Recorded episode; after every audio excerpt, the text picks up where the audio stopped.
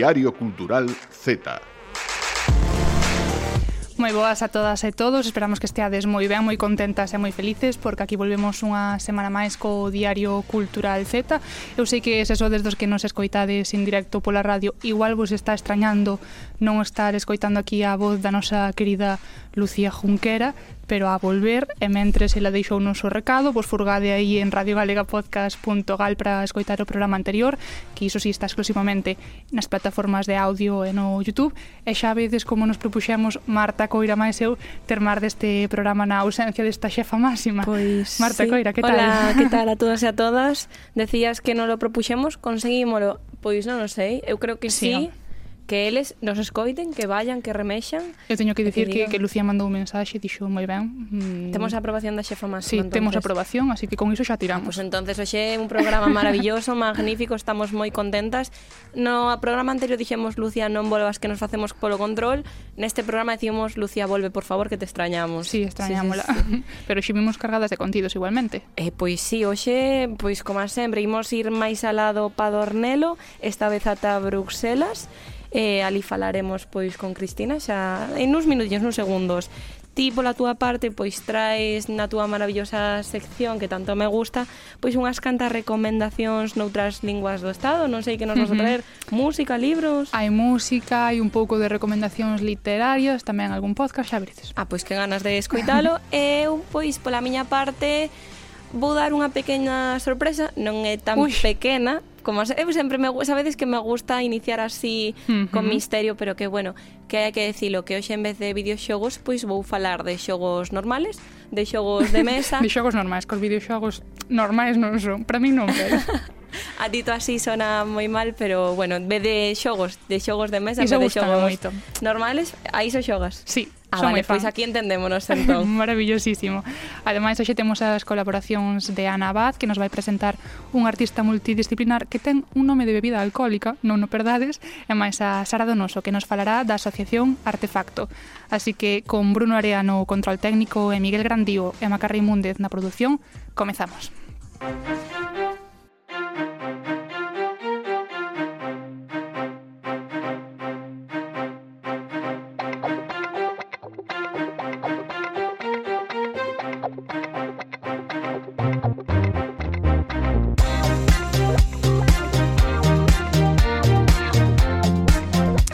xa sabedes que os comezos do Z pasan por buscar correspondentes culturais no exterior, máis alá do Padornelo, como nos gusta dicir. Onde dicías que íamos desta volta? Íamos a Bélxica, máis concretamente a Bruselas, que estuvemos aí, nos facemos unha labor, unha tarefa sí. de rebusca, de rebusca, a ver quen está máis alá das nosas fronteiras, e atopámonos pois cunha moza da estrada que vive al lado nesa cidade.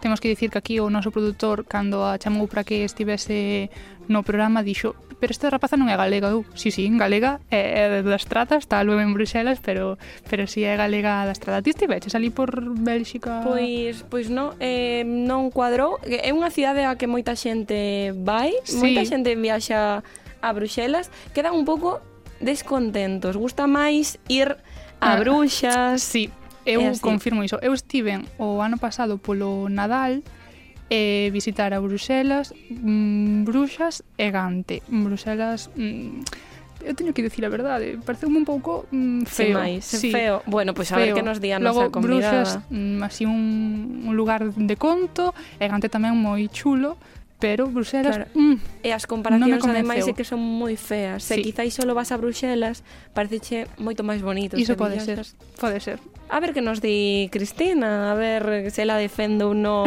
se Bélxica é bonito ou no. Hola, Cristina, que tal? Hola, boa tarde, que tal?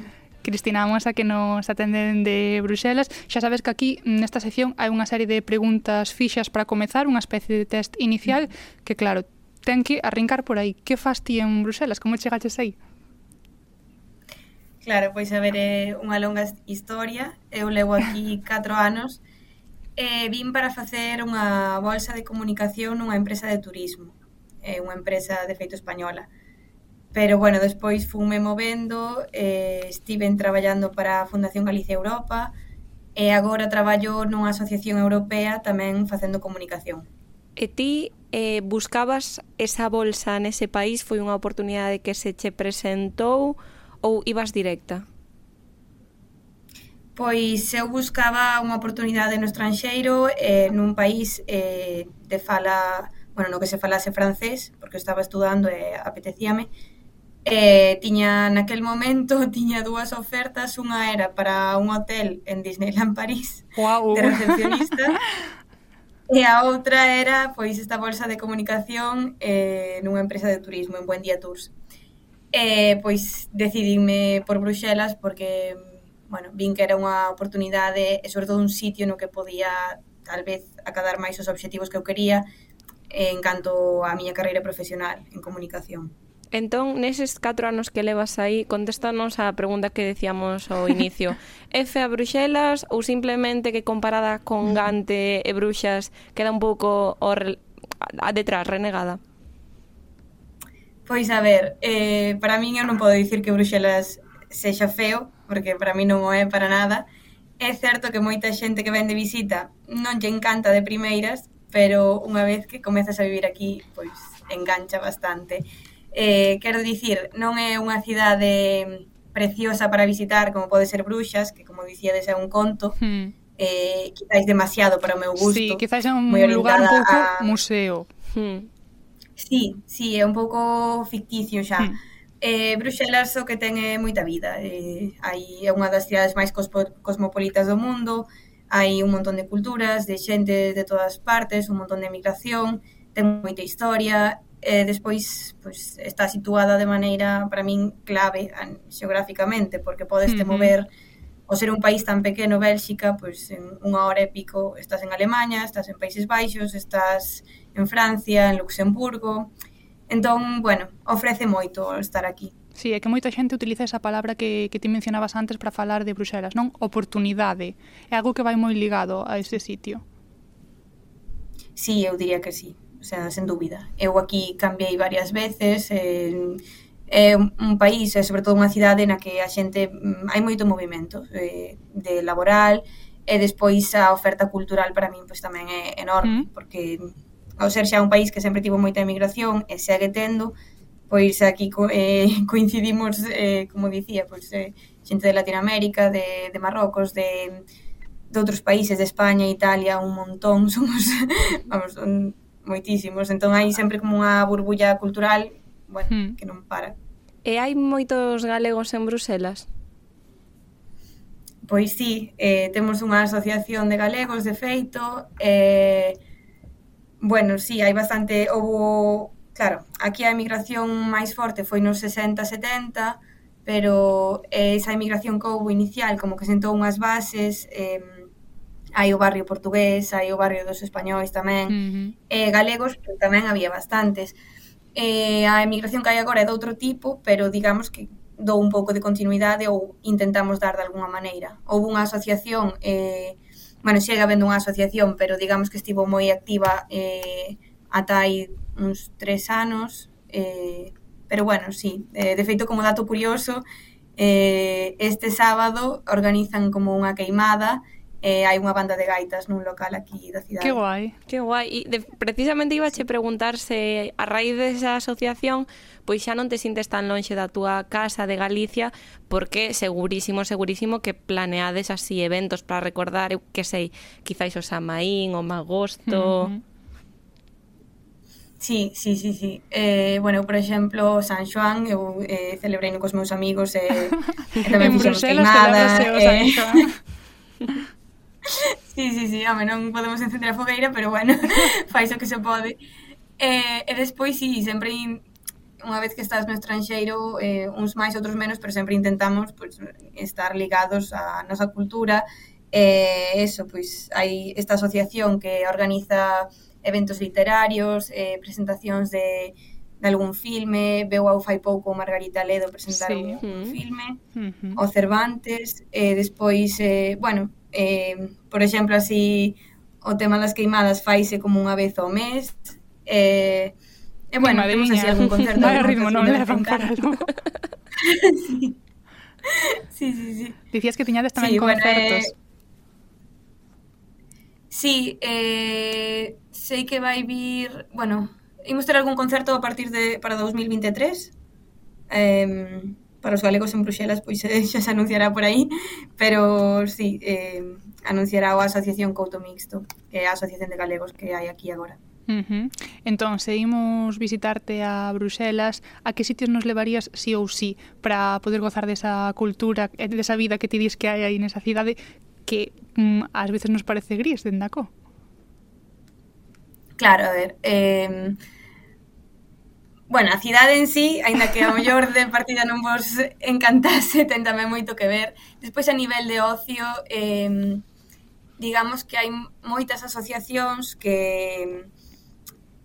Bueno, si hai moitísimas asociacións e teñen como espacios eh, que van rotando e cada cada pouco pois organizan un festival, organizan unha pois é unha queimada Eu locais típicos nos que se fagan, por exemplo, a queimada faise na Mesón do Poble, eh, no barrio de San Gil, que é de feito barrio portugués ou é tamén español por excelencia.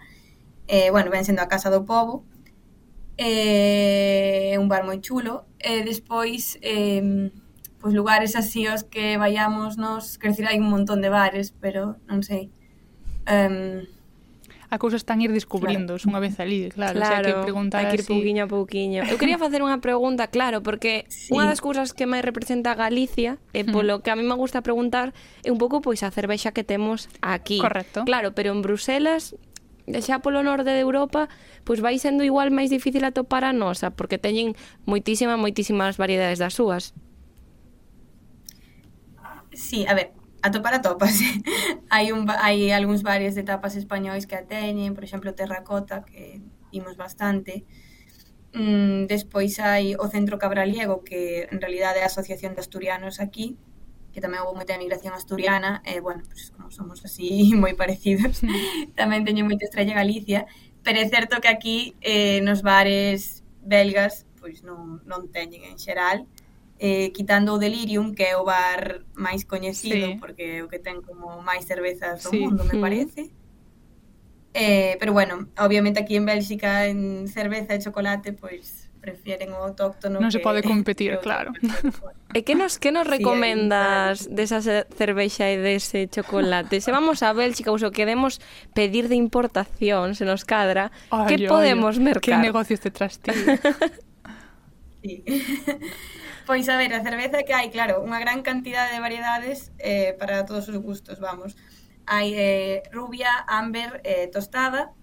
Eh, as que máis me gustan e eh, as máis típicas aquí son as trapistas, que son cervexas pois eh, que eran fabricadas, que siguen sendo fabricadas polos monxes ou polas... Eh, a mí encántame a triple carmelit, mm que, que, bueno, que é fabricada feita pola Orden das Carmelitas eh, está moi boa, unha cervexa ámbar, pero bueno, que hai que ter moito cuidado porque as cervezas aquí normalmente están en torno aos 8 grados, 9 e máis tamén, hai nas de 12, 13.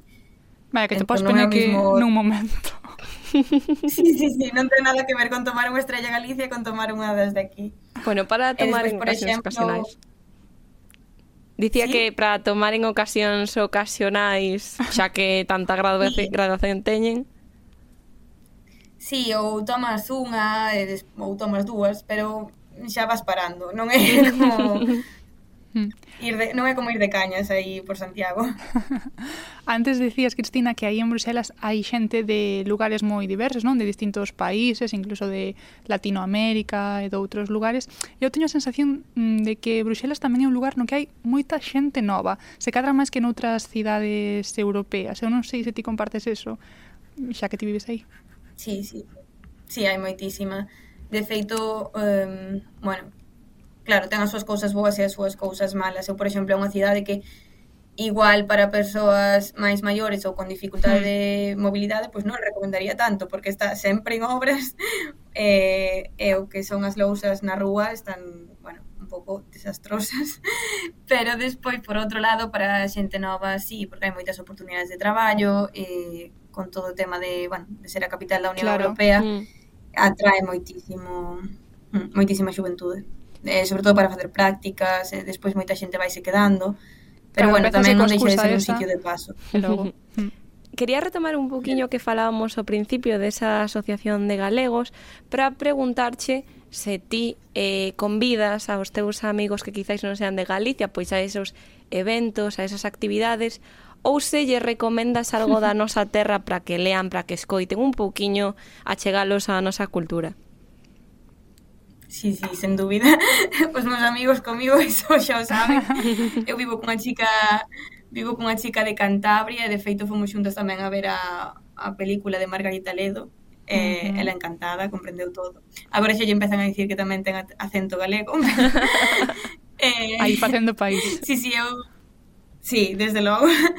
entón, sí, os meus amigos encantan estas cousas tamén. E, e eh, bueno, eh, digamos que é unha cousa que que compartimos todos. Eu, por exemplo, hai un mes ou así estivemos tamén nun festival que fixo a Asociación de Valencianos, eh, viñeron varios grupos de música, Beuzó. hmm. e eh, acórdome que había tamén un, un DJ valenciano que de feito puxo a canción das Tanxugueiras. Ah, me claro. Por eso que, bueno, que sí, que nos Aí reventou todo, todos. claro. Sí, sí, sí, un exitazo.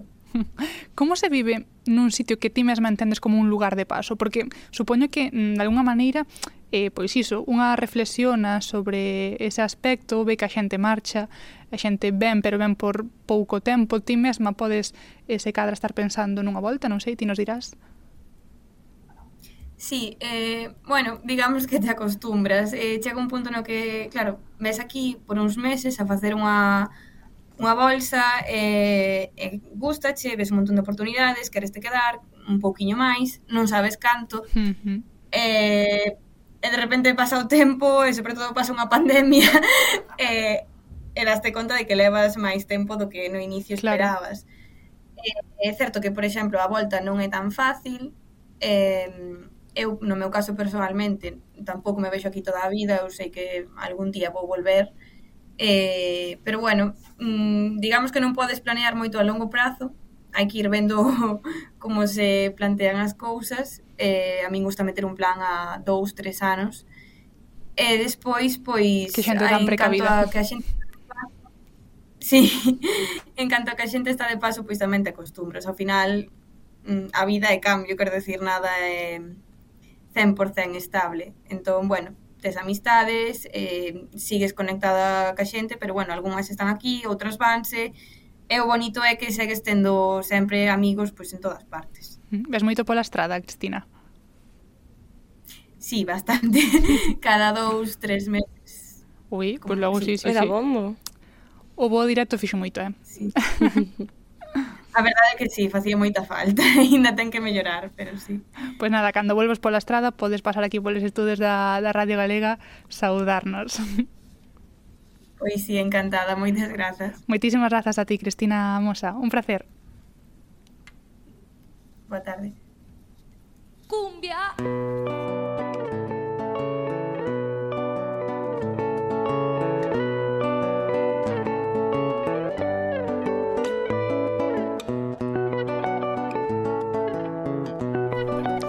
A min esta cumbia sempre me fai mover un pouco as cachas así na cadeira porque unha ten alma verbeneira aínda que non o practique tanto como de vera pero xa hai que manter as formas porque esta música é indicativo de que chega a nosa colaboradora Ana Abad e xa estamos desexando saber de que nos vas falar hoxe, Ana, que tal?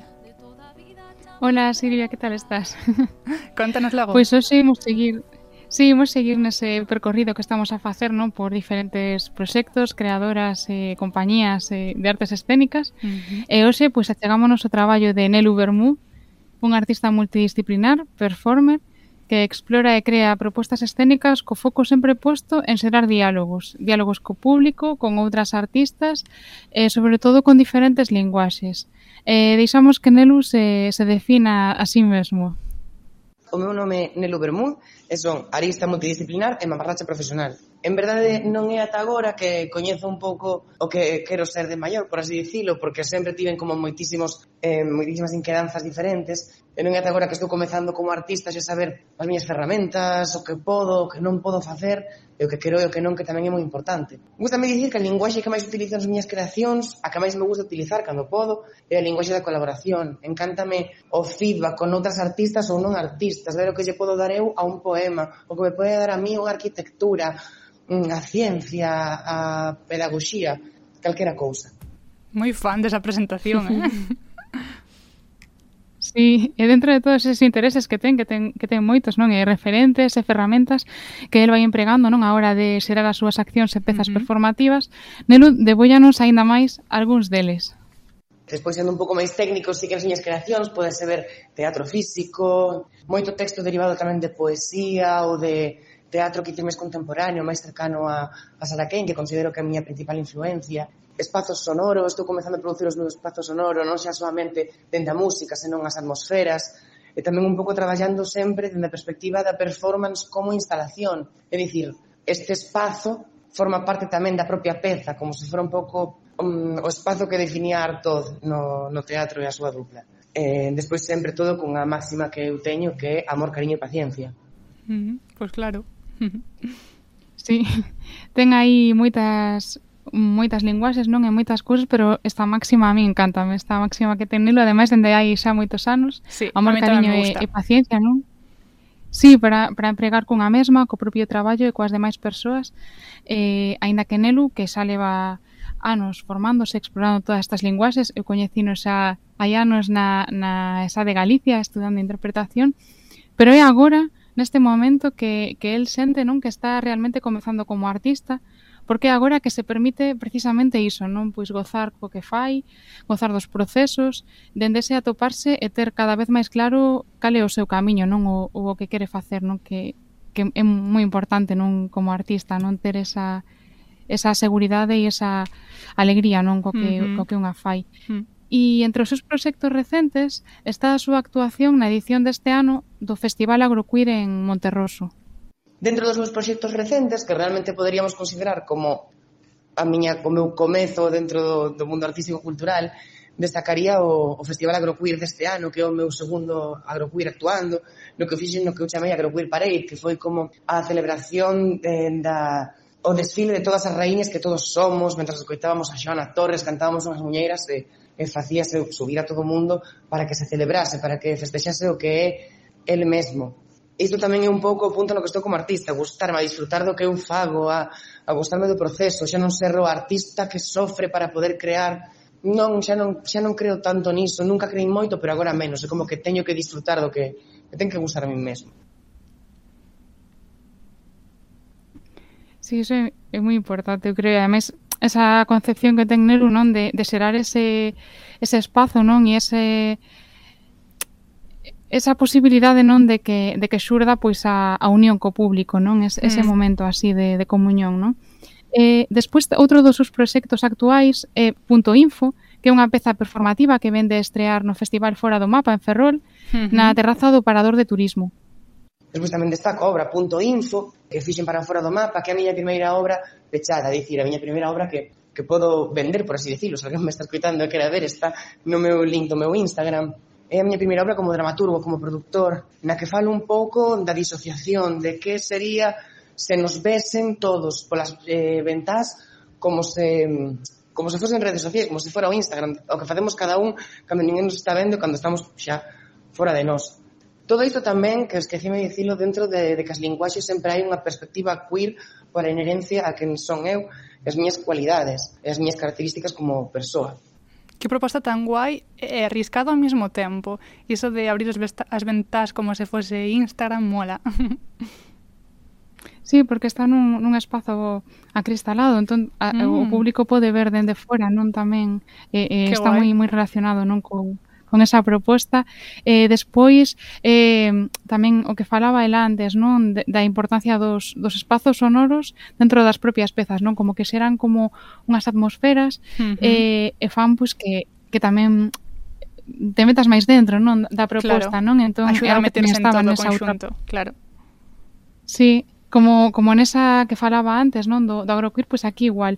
Entón, se che parece, Silvia, podemos escutar un, un anaquiño de, dese de espazo sonoro de, de Punto Info, no que está a dialogar Nelu co, co Galimatazo, ese poema que lea Alicia no, no primeiro capítulo de Alicia a través do espello, ou, a, perdón, a través do espello e o que Alicia eh, encontrou ali, de Lewis Carroll. Claro, imos.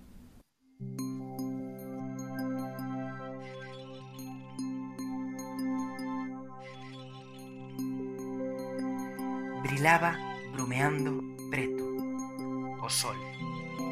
Así viscosos xiroscaban os limanzóns, balerrando polas váparas lonxanas. Mimosos fruncían os groxobios mentre o momio rantas murxiflaba. Coídate do galimatazo, meu fillo, cos seus dentes e gadoupas morde a presa. Coidado co paxaro sonsón e foxe do furioso magna presa. Blandindo o montante borparlino ao monstro longo tempo perseguiu Baixo árbore tan tan lo viu e un rato cavilando ficou. E estando na súa abismal cavilación, chegou o galimatazo, ollo flagrante, tufando polo bosque fuscón e acercouse veloz e burbuxeante.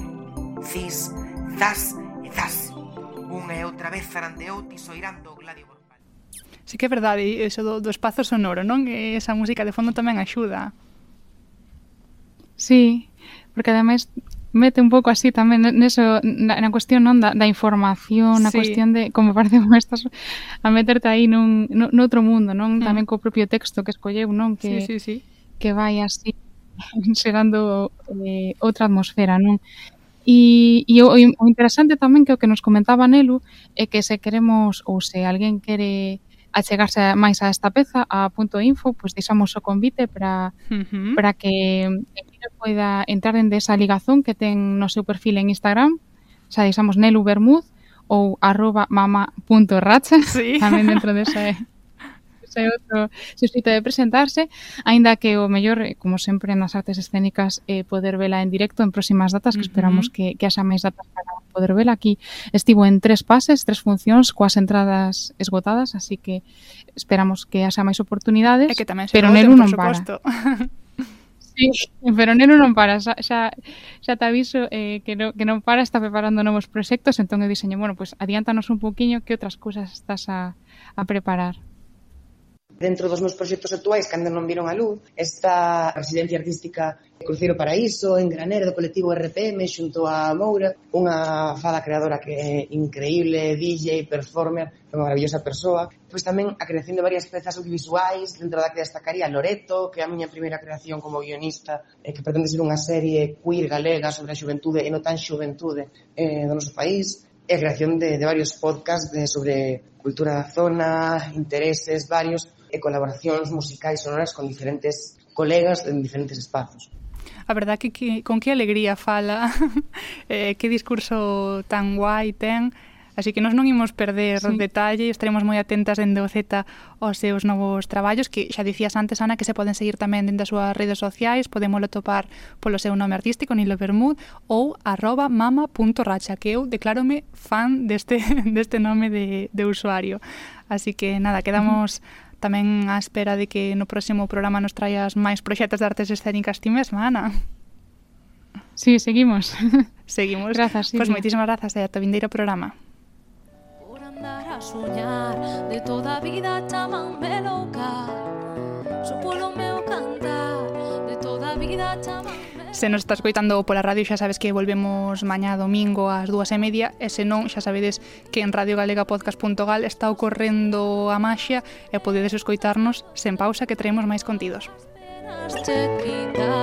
Se agora ves a chegarte a min Poda que de tres pasos para atrás Que todo isto só é unha excusa para sacarte a bailar Que todo isto só é unha excusa para sacarte a bailar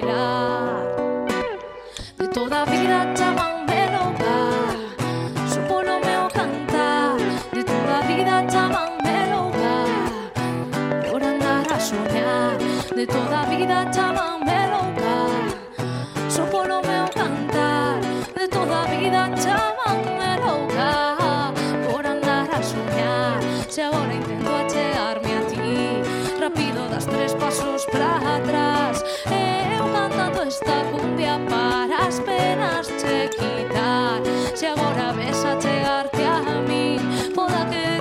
pasos para atrás Que todo isto só é unha excusa para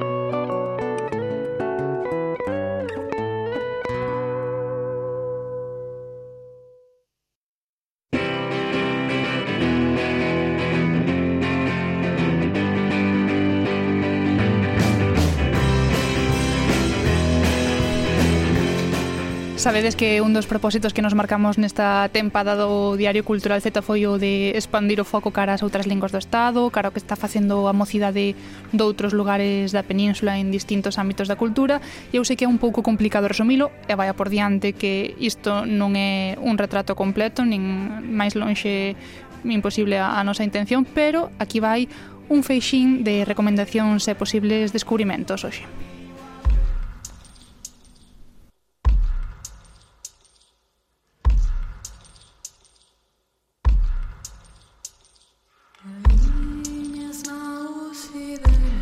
Imos empezar pola música desta rapaza que se chama Ana Arsuaga, ela é do 94 e ten un proxecto musical baixo nome de Verde Prato que pode parecer galego, pero non, ela colle uno do italiano, ten que ver con un cadro que é moi importante para ela porque ela tamén é pintora, Marta, dalla todo, dalla música, dalla pintura, xente con moito talento, de feito pintou a portada e máis a contraportada do seu disco debut como Verde Prato. E é un proxecto que, que pois iso, reúne un pouco de música popular vasca con sons máis contemporáneos, está bastante chulo e vai un pouco na onda de, de música que fusiona un pouco estas dúas épocas, non? Que tamén sí, temos sí, aquí sí. exemplos en Galicia, está guai, por exemplo, Baiuca, que era a tua terra. Eu teño que decir que, que é que falas, dixeche, explícachelo moi ben, é eh? un artista en, con todas as letras, porque sí. lle dá ben todo o que fai. E esa portada, de verdade, buscadia, porque está É un cadro en sí mesmo. Sí, sí, sí, sí. É moi guai. Pois é a portada do seu primeiro disco que se chama Condaira e Derura, que viría a significar algo así como esa fermosa lenda ou esa fermosa historia, E tamén está escollido o título moi guai porque nese álbum o que fai é contar unha historia dende sete puntos de vista. Agora estamos escoitando Amar encanta, a canción da Nai traducido, pero tamén hai outras cancións que dialogan con esa canción, están as cancións do neno, do pai, as cancións dos amigos ou a canción da nena, Nescar encanta. Papi, papi, tienes algo que no tiene nadie. Cuando me miras la boca se me corta el aire. a ver, si sí, esta canción está en castelán e dixen que íbamos mirar para outras linguas do Estado, non era a intención mirar cara ao castelán, senón cara a outras linguas minoritarias, pero é a única canción en castelán deste disco e ten sentido que sexa así porque é unha historia na que hai unha marcha, un apartarse do lugar propio, entón, pois, está xustificado e é moi guai, e mola, e iso de apartarse do, do lugar propio, eu creo, a, a esta rapaza, porque tanto nos canta así finiño e, e a capela no inicio da canción, como de súpeto pois chanta un reggaetón lento.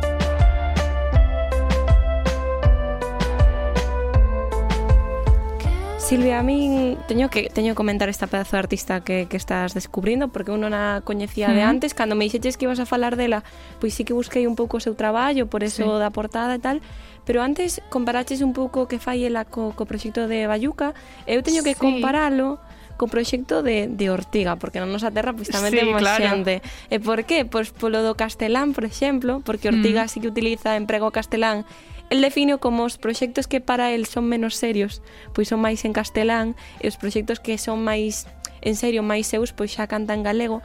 E pareceme que é un recurso lingüístico que empregan hmm. moitos hmm. artistas e que está moi ben empregado porque tamén transmite moito. Sí, e, mm, vexo outra ligazón aínda, o tema de isto é un reggaetón lento como di Ana Arsuaga, Verde Prato, e mm, Ortiga, pois de reggaetón, de bachateo, de cumbia e de música para bailar tamén, sabe? Un cacho, pois, así que... Pois sí, pois toda a razón. Unha pena non, non conocer máis a que isto chegue por unha recomendación que fas ti, porque tu veches esa sorte de, de coñecer mm. o seu traballo e que non sea tan coñecida, porque a verdade, tanto che canta algo para estar na cama igual eh, sí, lamentándote, como para sair de festa, que é algo que sempre gusta. Sí, para embarullarse aí na merda, que tamén somos moito diso. Pero sí, eu recomendo vos que, que busquedes máis desta rapaza, dese proxecto Verde Prato, que ademais está de estrea estes días, ten nova canción, así que buscade esta rapaza que é moi guai, igual que tamén son moi guais estes dous cataláns. Assegut al llit nerviós Samarretes mal plegades Busca dos mitjons iguals. El sol li escalfa la galta Mentre esmorza al menjador. Fa casa al 324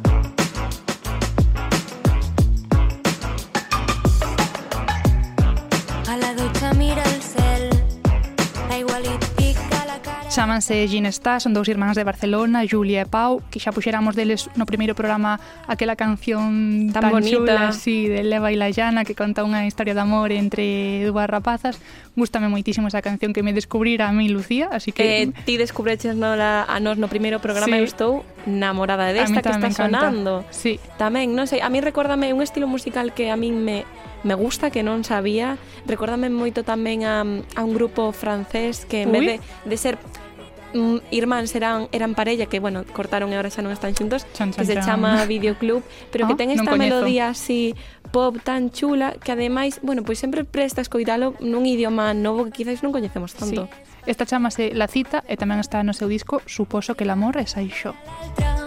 Abrazada aos dos patóns Quedan al antigo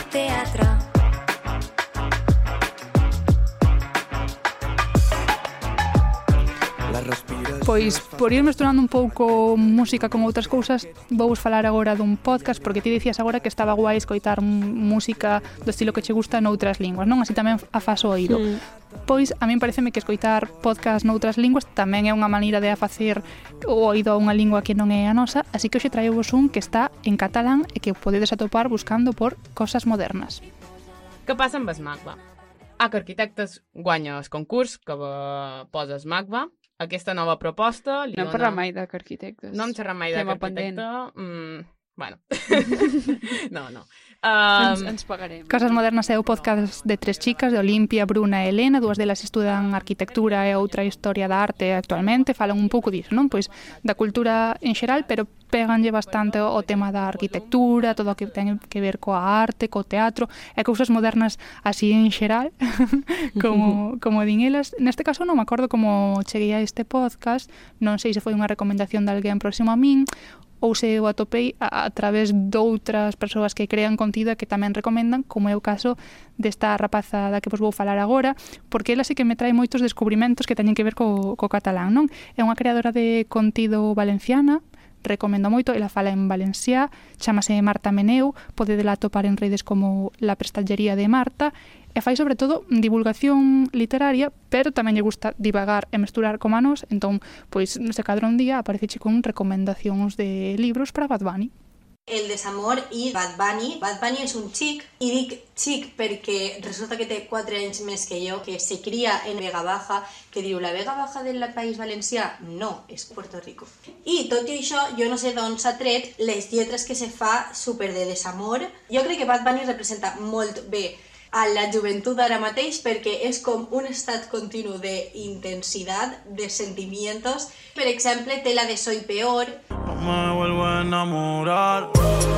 Sigue tu camino que sin ti me va mejor. Todo mal, o siga, he estat en una xica i he acabat super mal i això m'ha fet eh, drogar-me a, a saco, estar super enfadado con la vida, estar també super mal en les dones. I a mi això m'ha recordat a Primer, eh, Bad Bunny hauria de llegir-se a Hulebeck. Bueno, en realitat no, perquè si s'haguera llegit a Hulebeck, a lo millor haguera acabat encara pitjor. Hulebeck és un senyor eh, un poquet misògin que té novel·les on està todo mal, estoy enfadado con la vida, la vida me trata mal.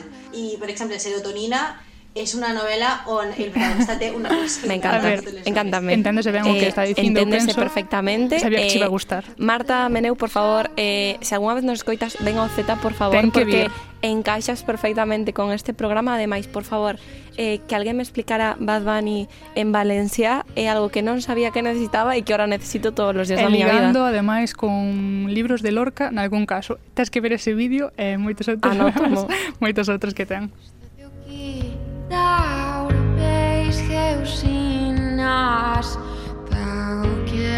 Xa pechamos a lista por agora, iso sí, con máis música en euskera, que entender, non entendo papa neste caso, teño que recoñecelo, pero esta rapaza que, que canta chamase Maren, é do 2002, así que ten 20 anos, eh, se non os ten, pois farabos agora nestes meses que quedan. É bastante coñecida así no panorama indie español, porque tamén canta en castelán. Maren de feito, Lamson. No, non, non, está vale. en Maren a secas hai que descubrirla a, tamén. É outra que tamén está moi chula a música que fai, pero esta é Maren a, a secas con N, ao final non con esa M de Maren Lanson, pero pero moi guai. Tamén fala euskera, claro, porque é dali de Euskadi, fala catalán, fala inglés, eh, francés e iso reflíctese na súa música eu que sei, pois apetecíame que escoitarades algo na súa lingua e outro día pois traemos máis cousas.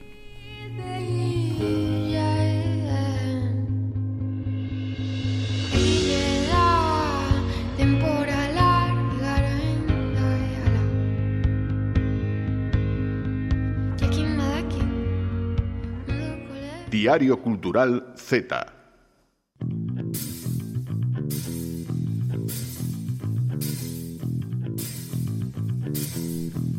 Pois con esta musiquiña abrimos ora tempo de colaboración de novo, tempo para Sara Donoso e a arte.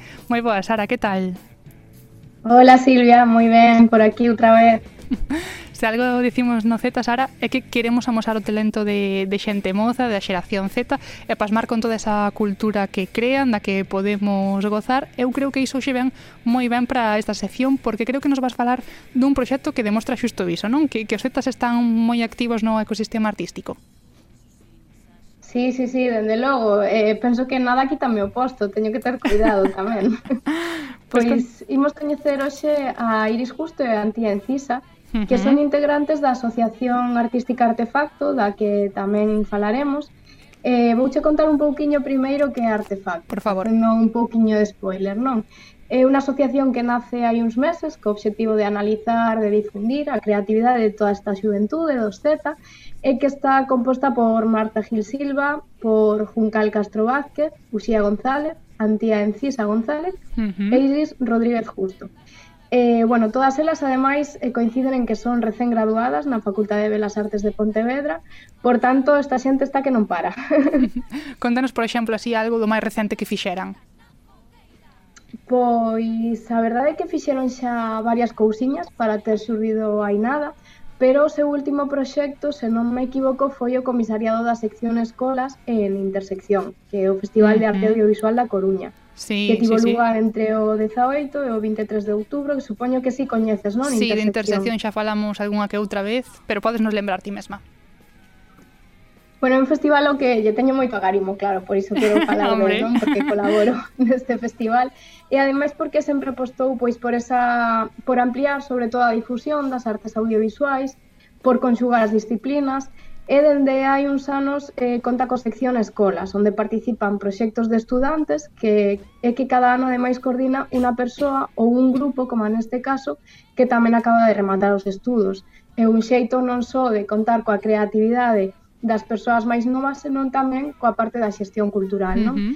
E aí foi onde coñecín de feito artefacto, que este ano encargáronse do comisariado da sección escolas, E, bueno, penso que é mellor que non lo conten as nosas convidadas, que senón eu, sabes, que me lío sí, sí, falar sí, sí. Logo, eu creo que o, o mellor viño é xa saudalas que estemos aí preparadas e listas para falar con nós.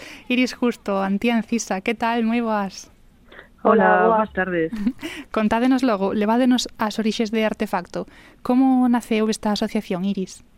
Bueno, pois un pouco como dixo Sara, Eh, Artefacto nace a partir dun proxecto realizado para unha asignatura de cuarto curso uh -huh. da Facultade de Belas Artes en Pontevedra.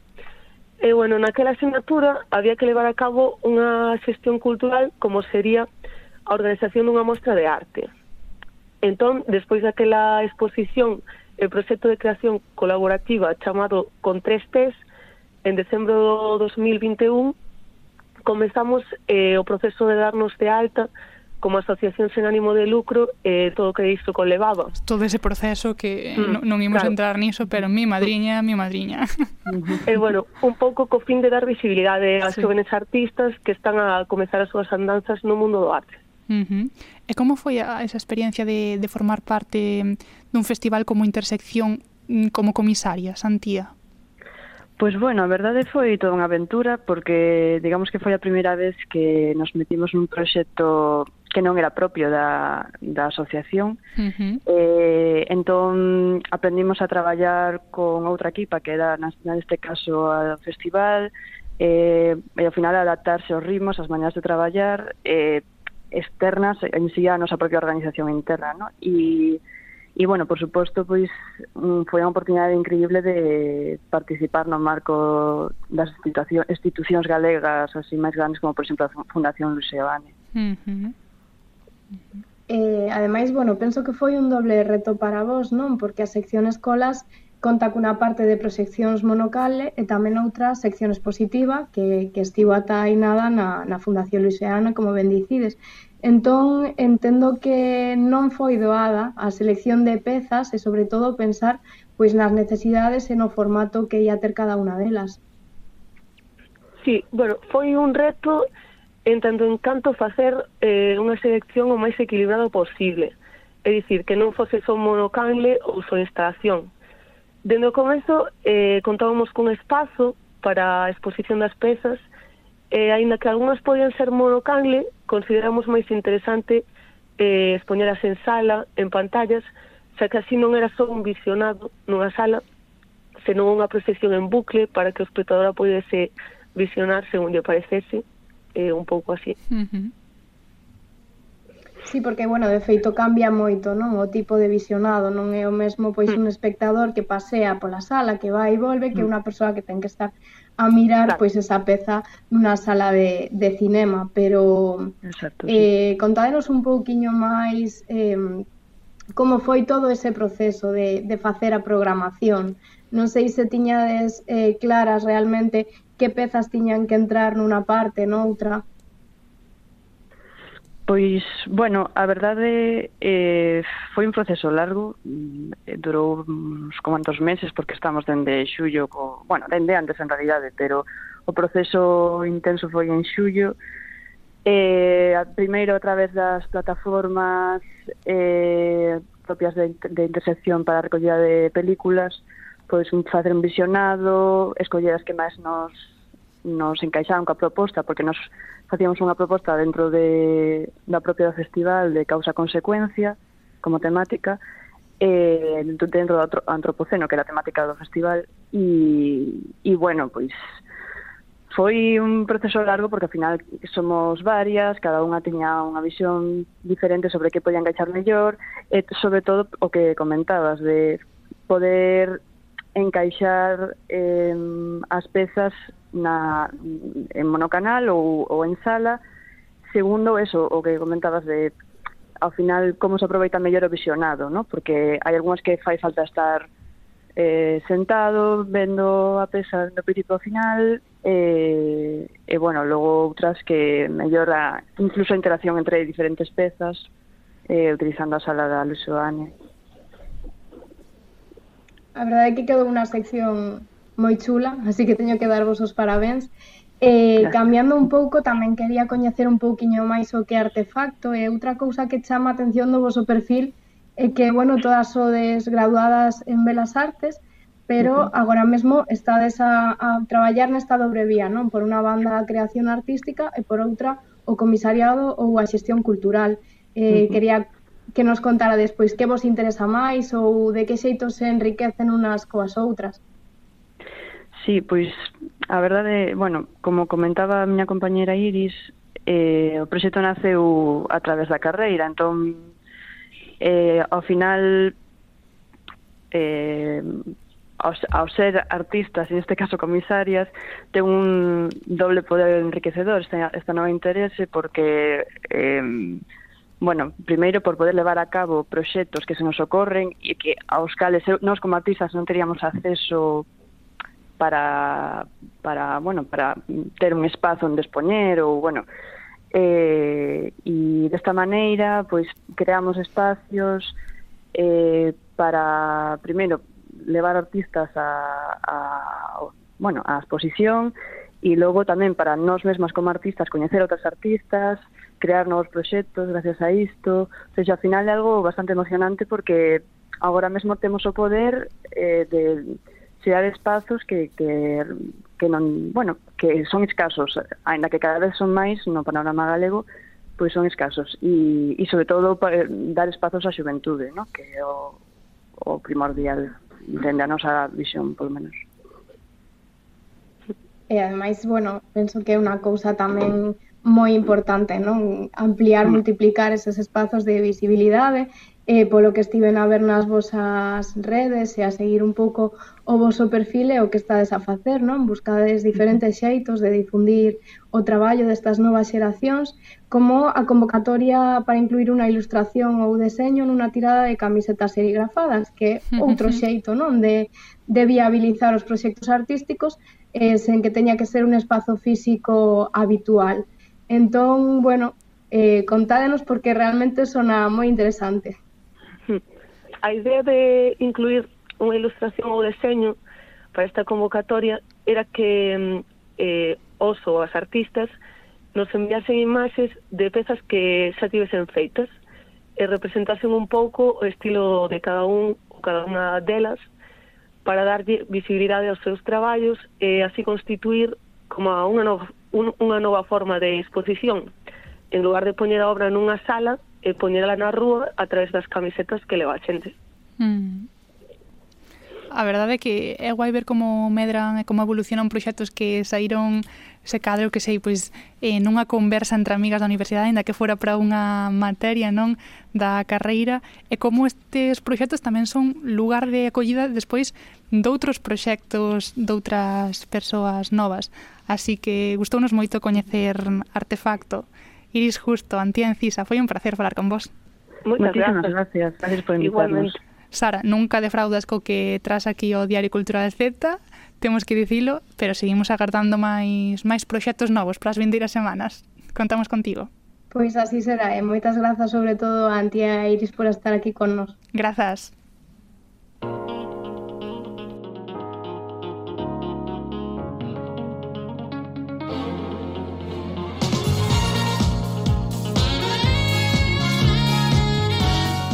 Como era iso mm, de que hoxe nos sabías dar unha sorpresa, Marta? Bueno, unha sorpresa, unha alegría para ti. polo que me acabas de decir antes, que como xa dixen, bueno, pois imos mudar un pouquiño, un pouquiño, un pouquiño a dinámica desta sección, non vou falar de videoxogos, vou mm-hmm. falar de xogos de mesa. Ollo, que a min gustame escoitar o que nos contas sobre videoxogos, eh? Así que non aprendes, no, pero que claro. hoxe podo aprender eu de ti. A, a que xogos xogas de mesa? Ui, a ver, teño que decir ah, claro. que son mm, bastante básica, eh? Eu bueno, son moi fan no do parchís e doca, sempre. Me encanta. Eh, consideramos a brisca como xogo de mesa. Eh, sí, como non. Hai que unha baralla sempre. Temos, unha temos que botar unha partida, Silvia. O eu sea... non sei se si zeta a brisca, non sei, a baralla eh, é que dá para moitos xogos. Eh, eu, desde aquí, podemos reivindicar a brisca como Z, porque sí. é o mellor xogo É un xogo moi nos, ademais, sí, un xogo moi galego. Sí, iso é certo. Así Tamén que... son bastante fan do 1, aínda que ollo porque iso desfai amizades. Sí, e ademais agora o un cada vez, o Uno cada vez ten como máis enrevesado, máis regras, máis non sí, sei que, que si un 0, que si un 7, que si cambias cartas, horrible. A vida. O tabú tamén me gustaba moito. O tabú, e seguro que, que tamén xogaches, non que che guste, tamén xogaches, por suposto, ao Monopoly. Sí, non era moi boa. Non era moi, a mí no. encántame, son moi boa. non, non. Eh, encántame, gaño sempre, eh, Uf. arruinar os demais. eh, Disfrutabas diso. Eh, tamén, pois, de pequeno seguro que xogamos os categories ou a herencia sí, de tía Ágata. Claro, porque eh, os xogos de mesa son algo que abrazamos moito cando somos cativos e parece que cando vamos medrando, pois quedan aí como en segundo mm. plano, como se precisamente iso fose unha cousa de nenos, e no, desde aquí decimos que isto non é así, porque a ver, quizáis vale, esos xogos que mencionamos antes Silvia máis eu, pois sí que son para máis cativos, que bueno, que o dubido uh moito, pero que o podo mercar ese argumento, pero bueno, que o mundo dos xogos de mesa é un mundo moi amplo e hai títulos moi interesantes e iso é o que vos veño a traer hoxe. Por favor, adiante, descúbrenos. Ver, o primeiro xogo que traio, precisamente xoguei outro día, eh, eh coñecino outro día, e encántame. Chámase o Código Secreto e está ambientado pois na espionaxe. Xógase concretamente hai dous equipos e cada un é unha rede de espías. Esa rede de espías ten un xefe, uns axentes e uns enlaces. E todos eles, bueno, teñen que intentar esquivar a un asesino que é un, un pouco como Cluedo, pero máis evolucionado? Eh, como... No, porque así como conto parece que é máis de pistas, pero sí. un xogo de cartas, con ah, nomes. Vale, vale, claro, vale. ahora vos lo explico así a ver se se entende moito, porque claro, ata que non xogas uh -huh. é un pouquiño complexo claro. de entender, pero bueno. Sempre se di, imos, ben, imos xogando imos xa vendo, ben. Imos vendo, sí, xa me explicas, vamos probando unha de proba. Pois pues nada, eh, como dixen, hai un xefe que é quen coñece a identidade dos axentes, os axentes son as cartas, unhas cartas que nunca chegan a ser persoas persoas físicas son as cartas con nomes, como pode ser uh -huh. casa, silla, mesa, dalipa, en diante, sabes? Sí. Eh, bomba. Entonces, os enlaces que son as outras persoas do equipo teñen que ir descubrindo esas cartas, esas cartas que son como uh -huh. os nosos espías. Resúmese en que como dixen, hai dous equipos e hai unhas cartas que son do equipo azul e outras cartas que son do equipo vermello. E hai unha carta que é a carta negra que é do equipo eh, eh, negro. O sea, hai equipo negro, no, desculpade, é o asesino. O asesino, vale, vale. Entonces, vale. Eh, como se xoga? Pois o xefe, o xefe da banda ten que ir dando unha serie de pistas intentando fiar as cartas do equipo, do noso equipo, do equipo azul, por exemplo, e que os outros descubran cales son esas cartas e as marquen e digan a mesa é miña, a televisión é miña. Vale, e vale. para iso, pois, unha serie de pistas que, por exemplo, eu que sei, eh, casa, ti dis casa, Uh. E a xente ten que intentar adiviñar pois algo tan aleatorio como pode ser habitación e felicidade moitas veces tes que buscar un nexo o en sea, común claro, buscas entre o vínculo. Ideas. Vale, claro. vale, vale. Isto evidentemente é eh, Eso pues, dá lugar a moitos equívocos. Claro, é gracioso, claro. É un xogo que claro, cando máis coñezas aos do teu equipo, máis fácil é hmm. porque podedes crear eh, pois vínculos que só vos coñecedes, claro. que pode ser Hannah Montana e, e, e Paraguai. Claro, unha persona dá unha pista e ti adiviñas adiviñas as dúas. É un xogo super super divertido e claro, como todos os xogos, pois ten un obxectivo que é gañar. Como se gaña? Pois intentando averiguar todos esos espías, todas esas palabras do teu equipo. Que che mm. parece? Moi guai. Sí, Parece chulo. Sí, sí, eu, sí. a verdade, xoguei no o outro día por primeira vez e dixen teño que falar disto no programa porque un xogo que, por gustome. que me sí. volve tola, que sí, me sí. encanta. Era como unha, outra, outra máis outra recomendación, veña. Vale, eh, pois creo que solo nos dá tempo para unha sí. máis. Vou vos explicar unha que se chama Time's Up, que, bueno, esta non ten ambientación concreta, son cartas con nomes de personaxes de lugares ou de películas reais, o sea, no caso os personaxes pois poden ser reais ou ficticios, e esas cartas repártense, cada xogador colle cinco, tamén se xoga por equipos. Uh -huh. Entonces, xúntanse todas e eh, barállanse. Uh -huh. Entonces, eh, Empeza, tirando un dado, empeza o equipo que o número saque máis alto e hai 30 segundos de reloxo por ronda. Para que? Para acadar a máxima puntuación posible. E como se xoga? Pois cada equipo collen, a, xogan cas mismas cartas e o que tes que facer é na primeira ronda, pois, por exemplo, Pedro Sánchez. Intentar describir... Isabel Pantoja. Claro, Isabel Pantoja, intentar describir de alguna forma esa personaxe, esa serie, esa película e que os demais o adiviñen na primeira ronda pois non se pode cambiar de carta ata que non se acerte, pero tes moitos, moitos, moitos intentos. Podes decir Schwarzenegger, eh, Víctor Valdés, Ajá, por aí, hasta esgotan, que, vale. claro, non se esgotan. Despois hai unha segunda ronda eh, na que, bueno, xa todo o mundo adiviñaron as cartas, un equipo máis, outro equipo menos, non importa. Hai unha segunda ronda na que cas mismas cartas hai que intentar que os equipos, que os do noso equipo, adiviñen os mesmos nomes, os mesmos lugares eh, os, as mesmas películas, pero desta vez, pois, dicindo só unha palabra. Ah, claro, entón vale. aquí hai que xogar un pouco ca estrategia e ver un pouquiño cal é a palabra máis recordada. Claro, é un pouco como outro xogo, claro, buscas aí o vínculo sí, tamén. Presidente, pois Pedro Sánchez. Vale. E despois pois hai unha terceira rolda que é a máis difícil, que é adiviñar con xestos ou con sons, non se poden decir palabras, evidentemente, sí pois esas mesmas cartas. Ao final xogas cas mesmas cartas, pero é un xogo moi de memoria, moi práctico, no que tes que ir recordando, recordando, recordando, e quen gana, pois ao final das tres rondas, o equipo que máis puntos teña. Uh 30 segundos en cada rolda, 30 non? segundos, Hai o tempo que importante. son moi poucos, pero bueno, que se estás moi espabilado e tes moita conexión co teu compañeiro, podes adiviñar unhas cantas. Buscas aí xogos que, que buscan a conexión entre as persoas, mm. gústame. Pois o tempo tamén se nos se esgota aquí no Diario Cultural Z, pero xa sabedes que volvemos a vindir a semana xa con Lucía Junquera, coa xefa máxima Por fin. aquí con nós, pero sempre con moito talento emerxente para presentar e para gozar. Ata vindir a semana. Thank